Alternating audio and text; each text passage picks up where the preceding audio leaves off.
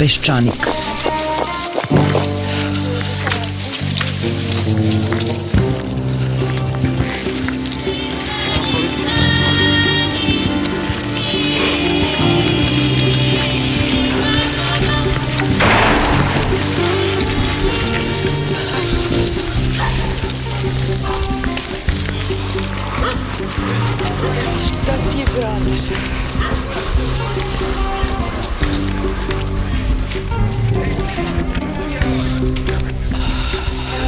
Peščanik.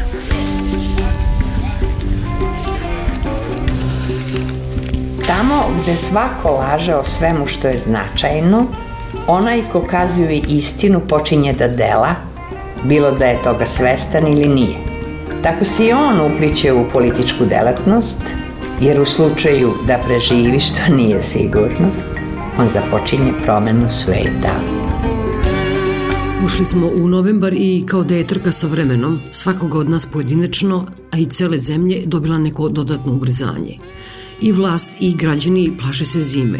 Da li ćemo imati dovoljno struje, odnosno uglja, gasa? Da li će Putin pristati da mu umesto 200 do marta vratimo samo 100 miliona evra duga? Do kada će potrebati rezerve u Banatskom dvoru? Da li će se brzo javiti neko kome bi mogli da prodamo Telekom, delove EPS-a, aerodrom, zemlju, vodu, vazduh? Juče smo francuskog premijera podsjećali na srpsko-francusko prijateljstvo, ne bili nešto uložili u Srbiju. To neće biti lako jer niko ne voli da ulaže novac u nestabilnu zemlju u kojoj samo predsjedniku vlade i njegovoj užoj i široj rodbini izgleda kao da se stvari drže pod kontrolom. Niko više ovde ne vlada ni sobom, a kamoli drugima. Vučić bi trebalo da se seti nekih svojih prethodnika kada su imali i većinu u parlamentu, koji su zauzeli sve pozicije u zemlji, koji su slepo verovali u rejtinge, sve se to ovde očas posla pretvori u balon koji pukne tako da se cela zemlja dodatno potresi i destabilizuje. Juče se u Londonu okupilo nekoliko hiljada ljudi koji su nosili maske Anonimusa, hteli su da upadnu u BBC, u britanski parlament, vikali su nešto o revoluciji. Petoro ljudi je uhapšeno, stradali su neki saobraćeni znaci i šahtovi, ali ovde tradicionalno gnev i nezadovoljstvo kada jednom pokuljaju izazivaju mnogo ozbiljnije posledice. Srbija kao da se sastoji iz dve tektonske ploče. Jednu čini takozvana politička, finansijska, medijska jet set elita, svi oni koji udobno žive od ovog nakaradnog sistema koji je pravljen decenijama, a druga ploča su svi ostali. Problem je što se tektonske ploče povremeno sudaraju, podlače jedna ispod druge, lome jedna drugu. Rezultat su razvorni zemljotresi, vulkani i drugi kataklizme koje trajno menjaju svet koji je dojuče postojao. U danima i mesecima koji su pred nama svima će trebati ne samo pameti, nego još više pribranosti i samokontrole koji više kao da niko nema, ne bili izbegli dodatne poremećaje koji bi nas gurnuli dublje u ovo živo blato. Zabrinjavajuće je što za sada građani pokazuju mnogo veći stepen samokontrole nego vlast, koja preti svakome ko bezrezervno ne veruje da će za nekoliko meseci sve biti daleko bolje. U današnjem Peščaniku govori Vesna Pešić, zatim Nadežda Milenković, Nadežda inače stručnjak za marketing i mlada pravnica Sofija Mandić. Ja bih krenula od toga da smo mi 5. oktobra su dve stvari nekako ostale eh, kao nešto što su meni čini da su građani očekivali a to je da više neće sukobe sa svetom i pre svega da neće sukobe sa zapadom. Druga stvar koja je bila, to je bio taj bolji život. I sad, da ta dva polja se praktično odigrava cela ta utakmica po mišljenju.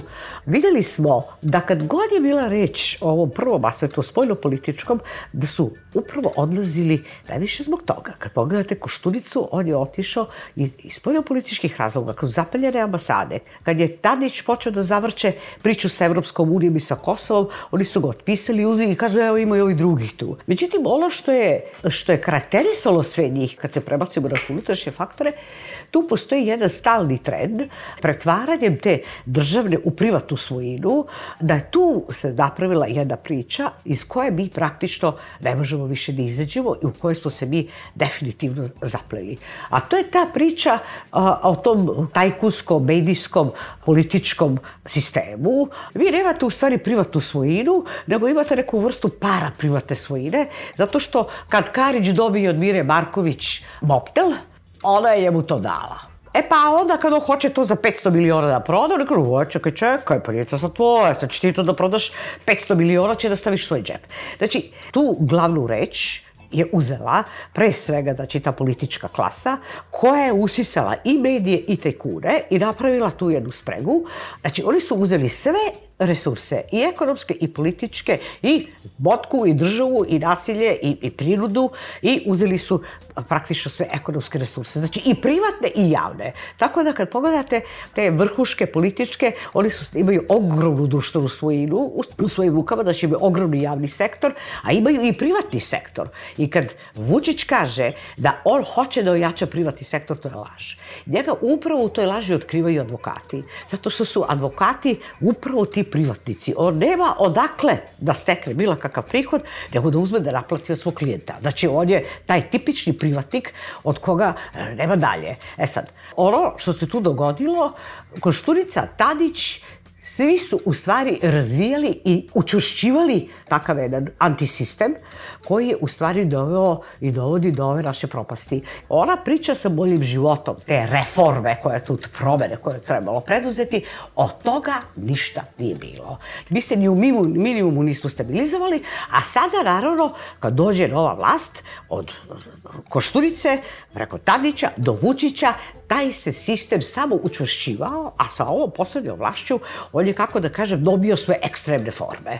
Oni jesu izašli s tim da će oni da menjaju taj tajkunski sistem. Međutim, Oni apsolutno nikad nisu imali nameru da taj sistem uopšte menjaju, nego su krenuli čisto propagandistički sa hapšenjem Miškovića, sa to pričamo o tajkunima, evo iza ovih stoje Mišković, stoje ovi tajkuni. Međutim, oni su tajkunska stranka. Kako su oni preživeli u oštorom parlamentu da ih nisu finansirali i finansiraju ih i Mišković. Prema tome, oni su bili tajkunska stranka koji svaka druga.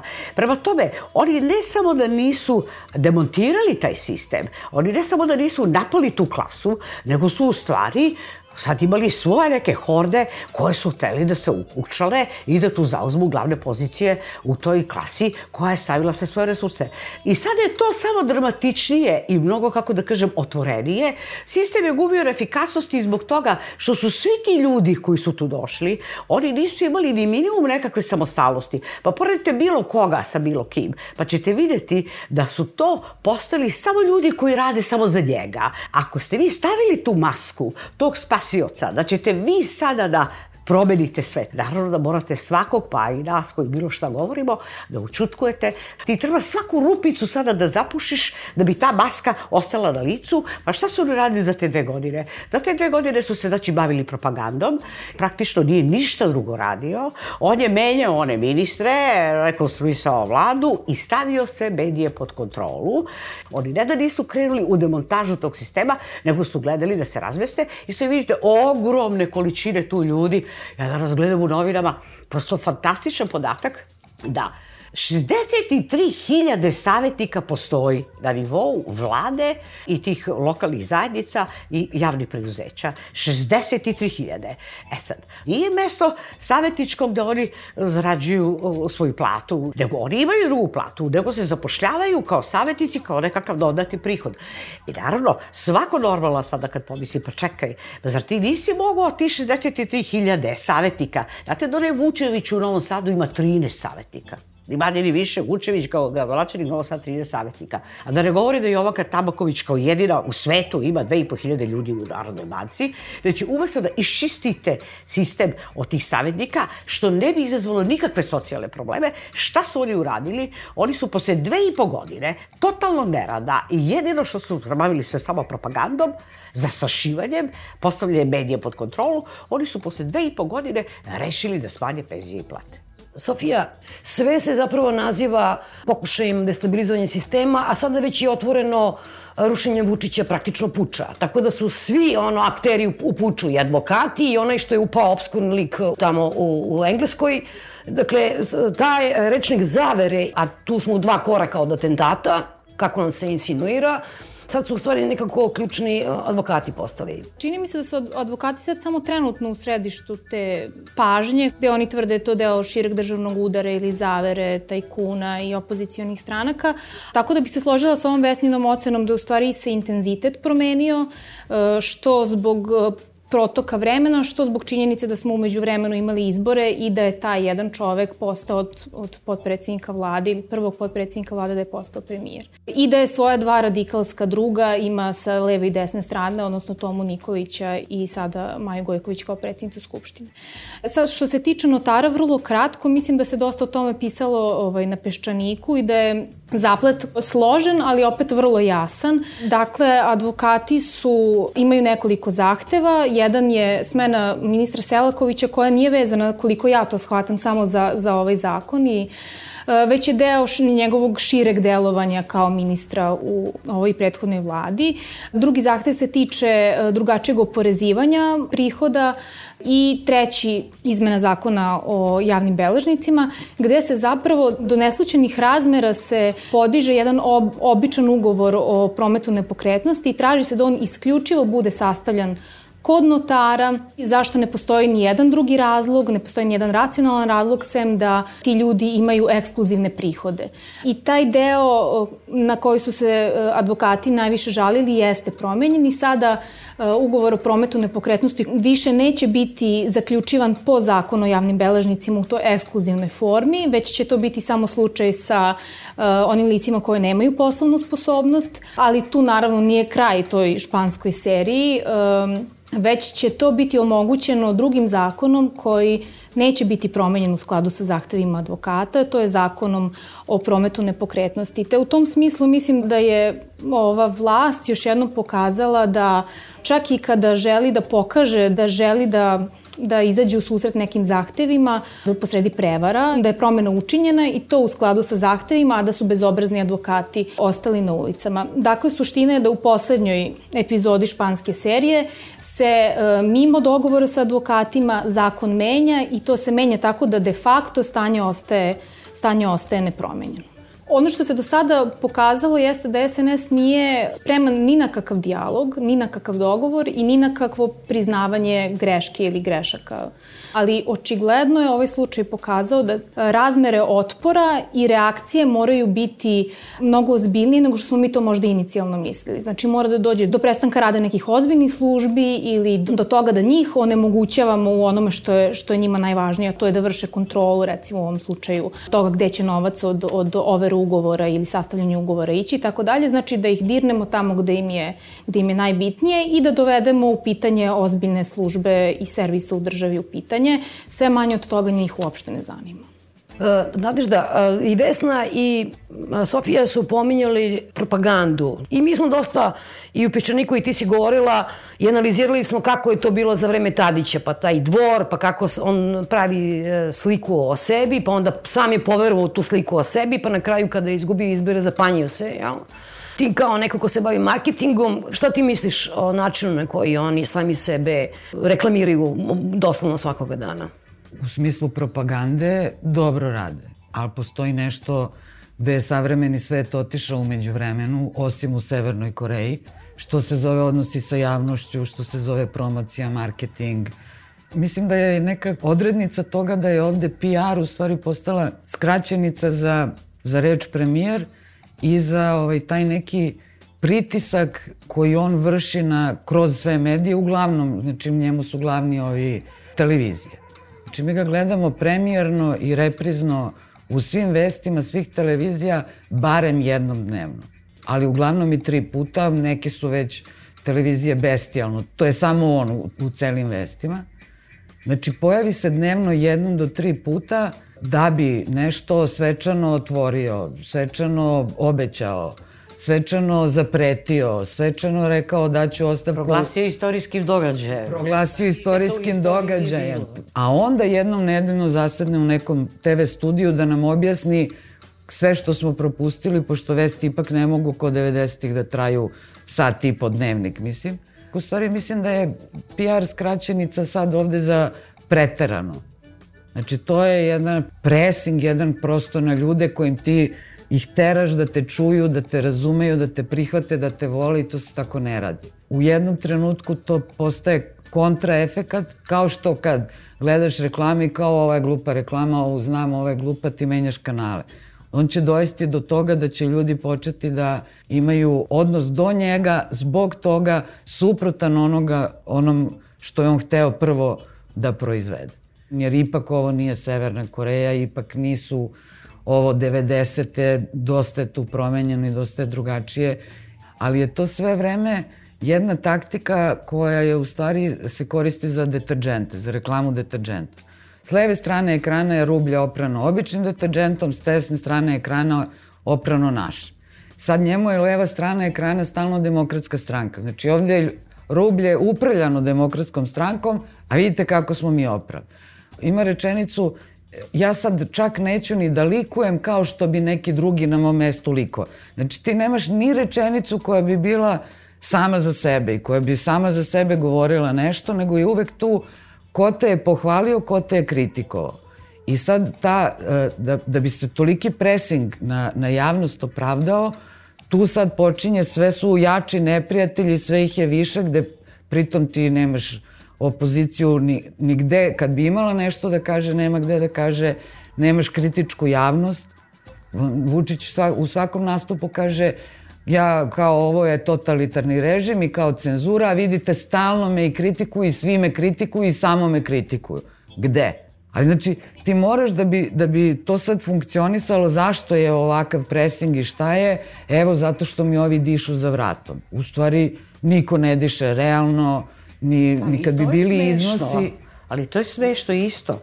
Pa što znači disati za vratom neko ko je premijer, ko je političar?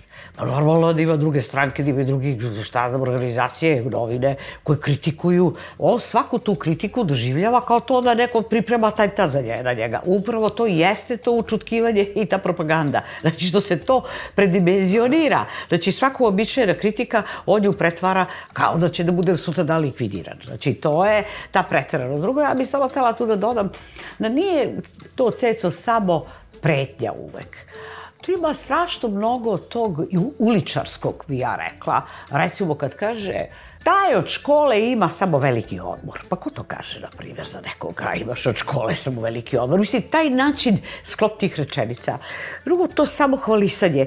Mislim da je e, Nadežda na dobrom putu, da ta propaganda je imala tog uticaja u toj prvoj fazi, da se to onda materializovalo hapšenje Miškovića, znači Cvet je nekako poverovao da će da dođe do te promene te klase, da će ona biti demaskirana i da će taj sistem biti promenjen. Međutim, sada on više nikad neće dobiti te glasove koje je dobio, to je potpuno jasno. E sad, sa ovim merama koje on preduzeo, koje su krajnje štetne, nije reći samo o tome da su one nepopularne, nego su krajnje štetne, taj sistem laži u stvari, kad kažemo propaganda, mi moramo da kažemo da su to sve laži, to su Potemkinova sela. Taj razmak između tih ludačkih obećanja u toj propagandi, šta će on sve nama da da, i ovog sada naglog osiromašenja. I naravno da to propaganda ne može da pokrije. E sad, vidite, on je odlutao u jednu preternu personalizaciju.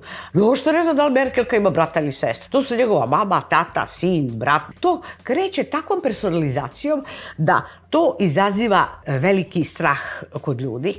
Zato što ti se izmakneš iz te funkcije. Nemaš razloga da se bojiš predsednika vlade. Зашто би се бојал председника владе? Але ако тоа нека личност, од која јас знам, она е прерачунлива. Ако е тоа функција, ја могу да прерачунам Шата та функција може да ради. Али ако тоа више не е функција, ти не зашто тог едног човека да очекуваш. И издвоио се из институцијалог система и се до влада као личност. Можда би рекол кој би реку добру личност, неки добар човек, па неки добар чик, како ја да, е се дали да. да лава неки овако, е.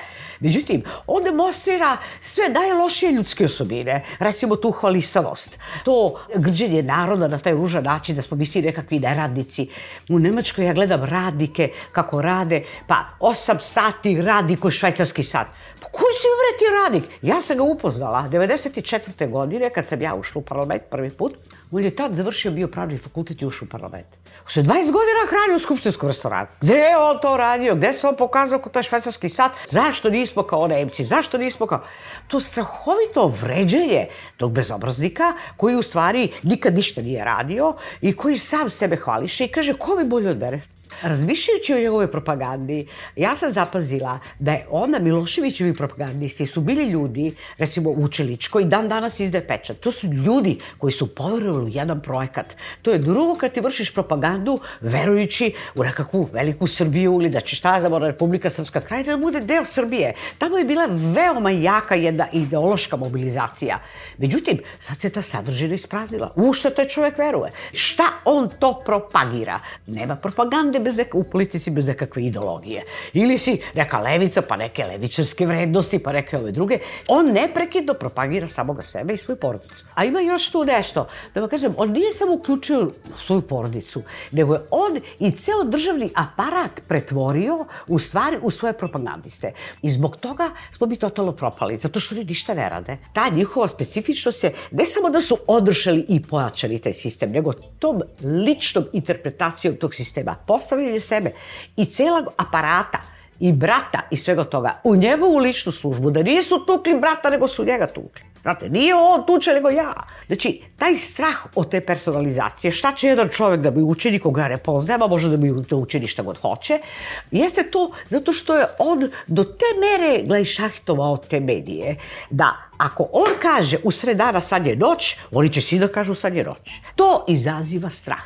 Ako je to tako, da je on toliko svemoćan, ja mislim da stvara užasan strah kod ljudi. Znači, što god on da kaže, e, to i se sa tim bratom.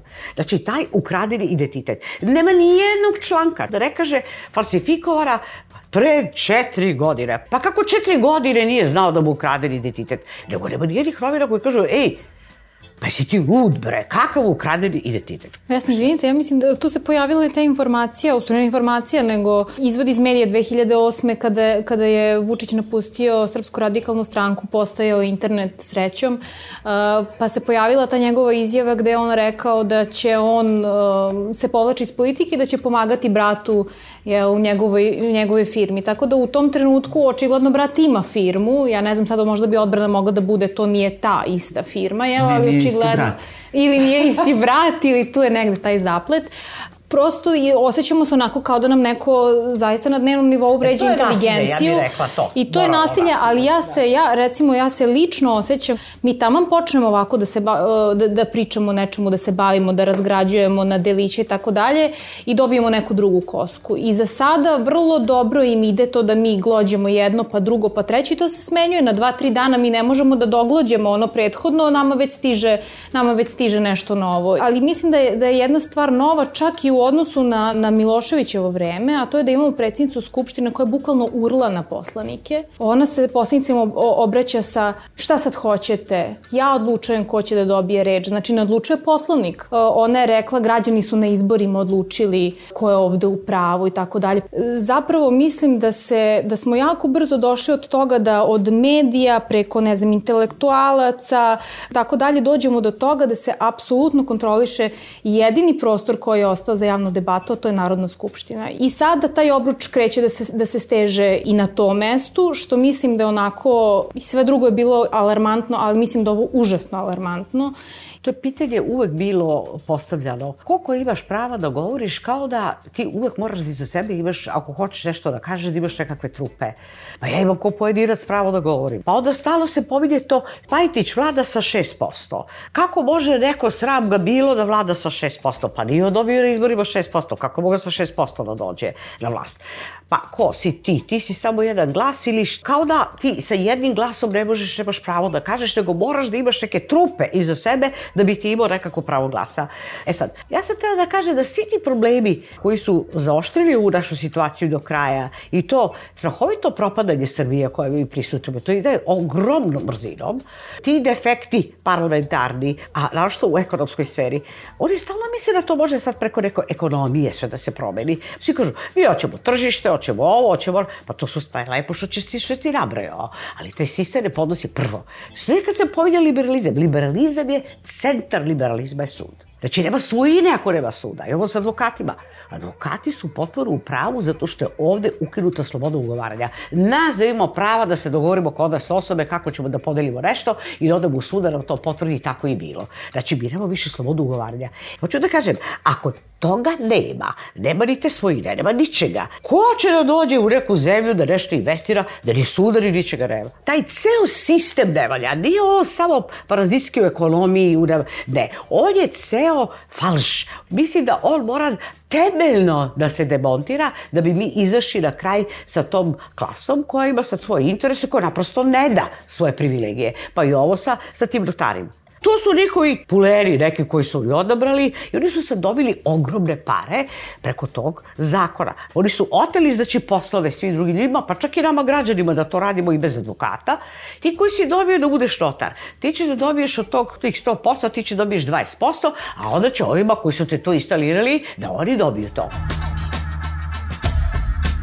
Mislim da je ona demokratska vlast se bila opustila verujući mi ćemo uvek da biramo manje zlo, pa oni nisu morali takav pritisak da vrše ta, toliko intenzivan, a ovi sad iz nekog razloga nemaju, ne rade ništa drugo nego pojačavaju taj pritisak sve više i više i zapušavaju sve rupe.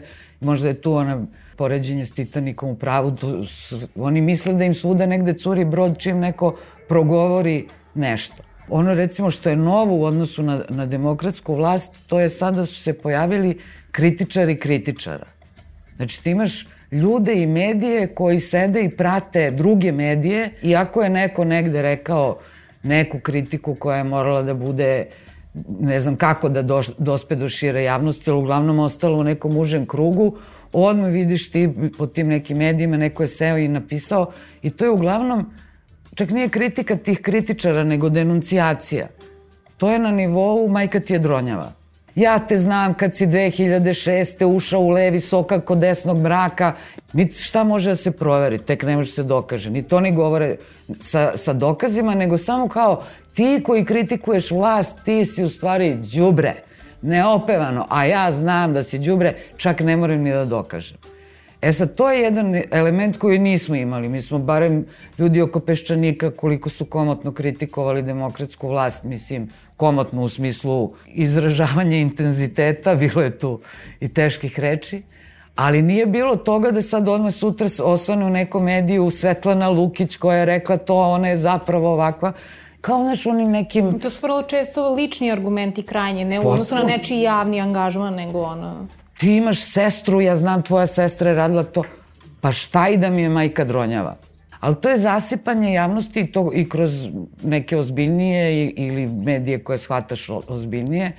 Taj jedan strašan pritisak da, da svi moramo, ja mislim da ćemo u nekom trenutku morati neki trg crveni ili koji da izmislimo, svi da se postroje, svi da kleknemo i da kažemo ja prihvatam, ja pristajem, ja nemam primetbu, što mislim da je veliki problem ove vlasti, odnosno da će malo da isobije oglavu, jer Vesna e, je sociolog, ti u sociologiji koju god pojavu društvu da meriš, to je neka Gaussova kriva koja ide ovako. Ja znam iz moje struke kad neki novi proizvod uvodimo na tržište, ti ovde imaš 10% takozvanih probatora. Znači njima samo treba kažeš imamo novi šampon za kosu, oni će kupi i da probaju.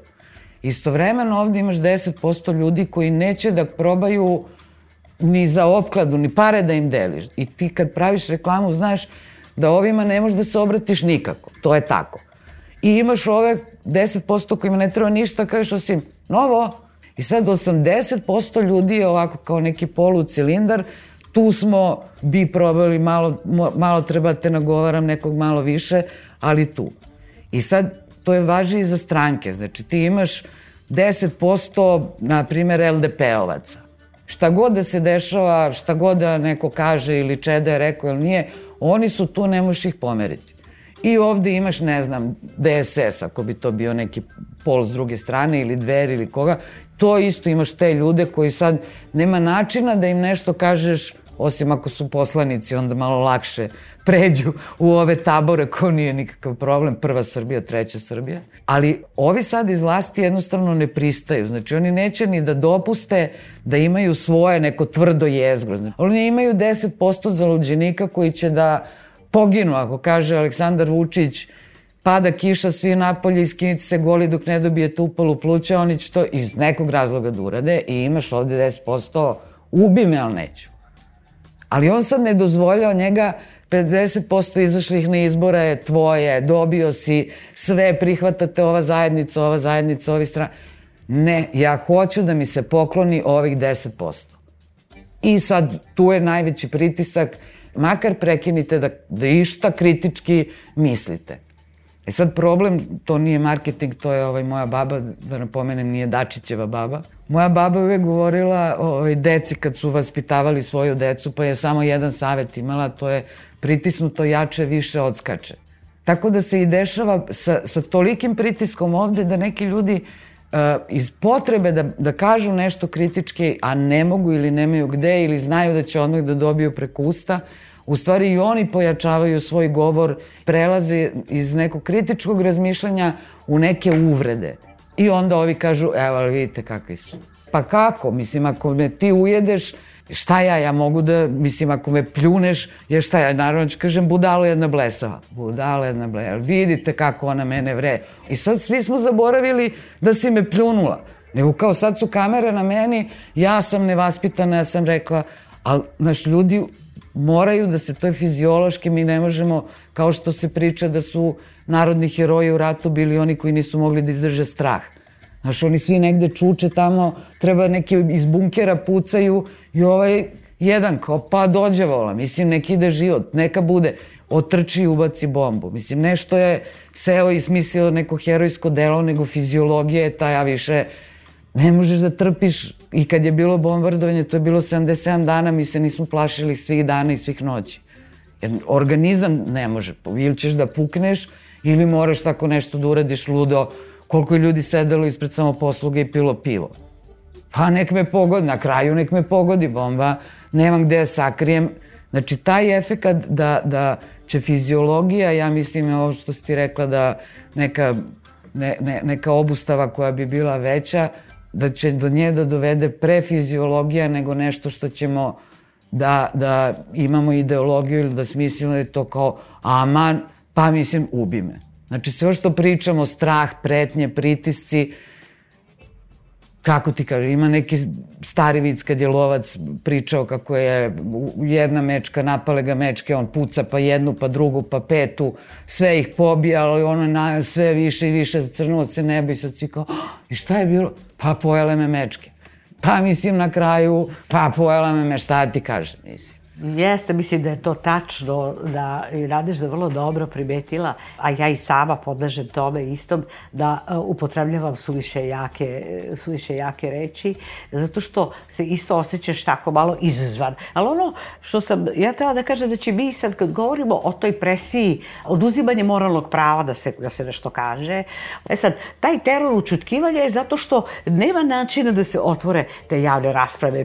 Ali kad je reč o tom, o tom nasilju, Ja bih rekla, mi smo sad govorili o tom presingu, to bi za mene bila vrsta nekog psihičkog nasilja. Znači, kad ti udara na zdrav razum, da će on bukvalno slaže za tog brata, a mi ne možemo, niko ne sme da kaže da je to laž.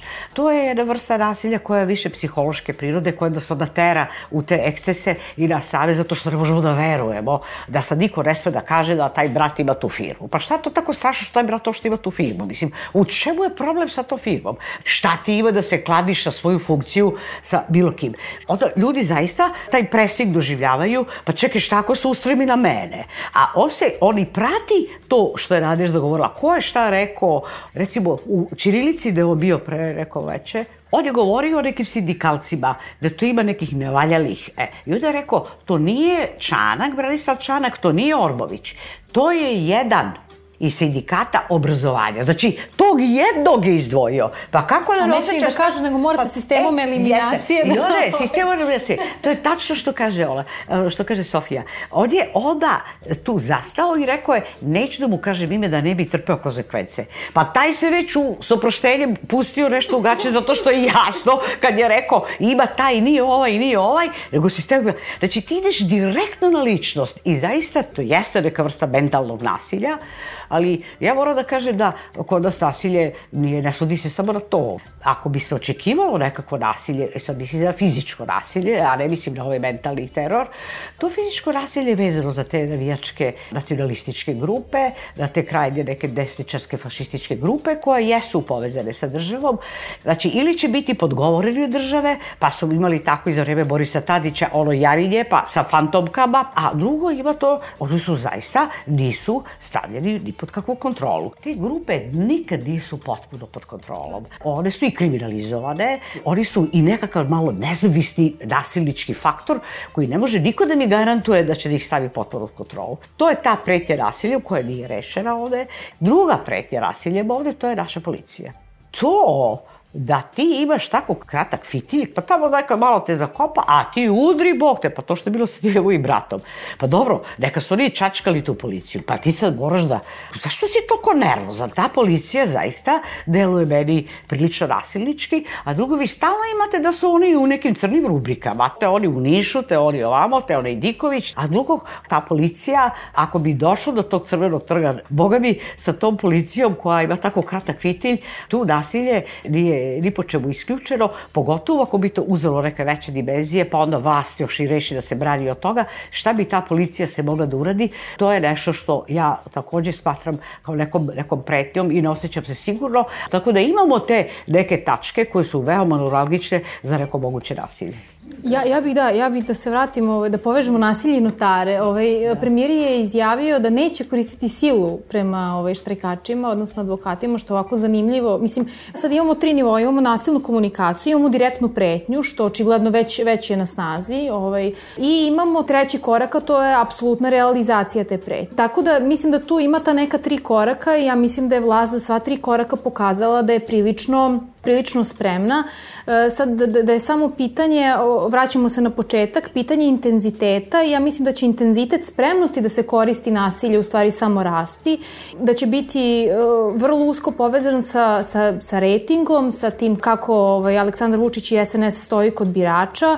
Ta linija između pretnje i realizacije će nestajati kako, kako rejtinzi i broj glasova bude krenuo da se, da se srozava. Ja bih samo tu otvorila još, još jednu temu ovaj, jedna potencijalna grupa koja bi mogla u tom trenutku, recimo, potpunog pada Srpske napredne stranke ili, ili ovaj, reting Aleksandra Vučića da reaguje, a to je privatno obezbeđenje koje je zakonom o privatnom obezbeđenju koji je prvi put regulisao tu oblast, omogućio da uh, privatno obezbeđenje nose oružje, uh, vode pse i tako dalje. Kategorički se, su se odbijali amadmani iz opozicije da, da ovaj, privatnim obezbeđenjem ne mogu da se bave lica koje su osuđivana, koje imaju ratnu prošlost i tako dalje. Znači, to je još jedna onako da kažem, jedna mogućnost koja se otvara kada dođe zgodno vreme. I sve ovo... Ovaj, pa ja mislim da su oni, nažalost, sa tom idejom ovaj, te, te, te stvari usvajali. I ovaj, ono što, na što me u stvari sve ovo čemu pričamo asocira, čitam, pa sam pod utiskom, čitam u ovaj, poslednjih dana ovu knjigu koja je izašla u izdanju Peščanika i fabrike knjiga Viktora Ivančića, Radnici i seljaci, koja zapravo obrađuje temu nasilja u društvu i kako u stvari građani, kakva će biti reakcija građana na to, na to strahovito nasilje koje dolazi od strane državnih institucija, koje dolazi iz medija i tako dalje. U tim njegovim pričama je reakcija koja dolazi od, od građana zapravo takođe nasilje i to je ono čega, čega se ja plašim. Ne, negde sam se uplašila i svoje, svoje reakcije, kako, kako pročitam koju priču, u stvari dobijem prvo, osjećam neko nevjerovatno zadovoljstvo što, što, se, što, što je došlo do tog obrata, što su građani preuzeli stvari u svoje ruke i onda se u stvari zapitate odakle meni ovo, jel ne bi trebalo da, da se osjećam tako, da osjećam to zadovoljstvo kada, ono, makar čitam o nasilju. I to je ono stvari što, što oni kod nas, kod nas proizvode Ta jedna priča je posebno zanimljiva gde zapravo starci staračkog doma uzimaju oružje i ono koriste svoje partizansko znanje da preuzmu dom i kad uprava grada dolazi i pita šta smrdi, a to što smrdi je očigledno benzin, ovi kažu ne smrdi ništa, činiti se to samo za udara prošlost. Neki tu i kažu, čekaj, čekaj dok stignu ove nove koverte. To zaista može da ima takođe da bude jedan okidač. Pa bilo da to ide nekim mirnim putem, izborima, padom rejtinga ili padom popularnosti, što će sigurno da se dogodi, ili opet ime što će ljudi da se okupe, ali na neki način sigurno da će to da izazove neku pometnju. Ne znam da državni posao na radio televiziji Vojvodine. Bila je dobra epizoda pre neki dan, pre, pre i posle otvaranja koverte. Pre koverte je jedna priča, a u stvari da, posle koverte je druga. Znači da. onog trenutka, znači dalje, ja ljudi tako razmišljaju, tek kad stvarno vidim jel, da, da je to stiglo i na, i, i na moju kućnu adresu, onda ću, onda ću možda reagovati. Ali mislim da će se ta stvar, da, da ste vi apsolutno u pravu da ta opasnost postoji, to što sam ja prethodno rekla, ti ljudi na kraju neće imati ili neće videti drugi izlaz osim nasilja i to ono čega se ja plašim, ali mislim da će se neko vreme tamponirati, opet se vraćamo na ono čemu smo pričali strahom, znači može još da mi smanji, može, može da mi ukine ovo ili ono, imamo ljude koji primaju socijalnu pomoć od, ne znam, ovaj, 6-7 hiljada dinara koji će sad to morati da odrađuju, što predstavlja, mislim, ško, školski primer prinutnog rada. Znači, kad će pući, to stvarno ne mogu, ne mogu da pretpostavim, ali će sigurno pući. Ali mi se čini da to nije ova, recimo, ova zima, nego da će taj strah od neke odmazde za potencijalnu reakciju i dalje držati reakciju pod kontrolom onako kako je oni vide. Pa dobro, u stvari ja mislim da smo se složili da to mi ne možemo baš ni da predvidimo. Zato što postoji i ta, kako da kažem, nedovoljna svest o nama samima. Zato što uvek se rekao, seti pa uvek, ja, seći se ono kada mi je bilo gore, pa mi možemo uvek sebe da nateramo da nam bude gore, pa staći ćemo se nekako. Znači ima malo i toga što ta trpeljivost ovdje je prilično velika. Ali čini mi se da ono što sam rekla na početku, da su ljudi posle tog 5. oktobra, posle tog Miloševića, ipak postavili taj bolji život kao nešto. I mislim da sad, i on je to na kraju krajeva obećao, a ne može da isporuči ništa. A ako ide ovim, ovom spiralom nadole, onda može da bude, ko što je moj prijatelj rekao, napravi se u društvu tako jedna nezgoda, zapaljiva atmosfera, koja kaže, dovoljno je da negde pukne guma a moguće i to da ideš stalo, što je rekla Sofija, da ideš trpeljivošću nekako, pa, pa strah, pa regresija, pa regresija, pa regresija, ja, ali A, meni se ali da postoji da jedna to, tačka u kojoj više ne može da se izdrži. Ali mi se čini da dosta sveta se sećate regresije, pa one inflacije, pa onoga. To nije bilo toliko davno. Prema tome, ja mislim da je to nekako iskustvo koje ipak je negde ostavilo traga i da ti ne možeš sad baš toliko da prevozaš te građane i da na kraju da isporučiš ništa, a da ti daje se kovotiš i kaže ovo, a istorijski najbolje ikada. Mislim da to, da to neće moći da prođe. A Nadežda je jedini optimista. Nadežda se usudila da kaže da je optimista. Pa šta ću? U svim javnim nastupima je ljudima građanska obaveza da budu optimisti, možda nije prava reč, ali nekako da pokažu, da kažu ja se ne plašim i ja mislim da neće to da bude mnogo strašno, bit će pa kad odem kući onda ću se pokrijem preko glavi i da vrištim iz glasa, ali mislim da, da jeste jako važno poslati ljudima poruku Pa zato što i intelektualno i nekom empatijom i činjenicom da smo svi u istom sosu, mislim, niko od nas nije tajkun i, i mislim da, pošto jeste tako strašno, bare mogu da, da, ovaj, da kažem da sam optimista. Šta sad još ljudima kažem, kako se zvao onaj onoj džungli, što su se svi kolektivno posamoubijali sa njim. A, hram dole u Južnoj Americi, onaj. Tako da, je, da, da, imao je da, neko da, ime, jedno vreme je to bila afera, mislim, znaš, to nećemo uraditi, ne, nismo to radili ni kad je bilo strašnije, idemo dalje. Bio ovo još jedan peščanik, govorili su Vesna Pešić, Nadežda Milenković i Sofija Mandić. Pozdravljaju vas Svetlana Vuković i Svetlana Lukić. Doviđenja. Peščanik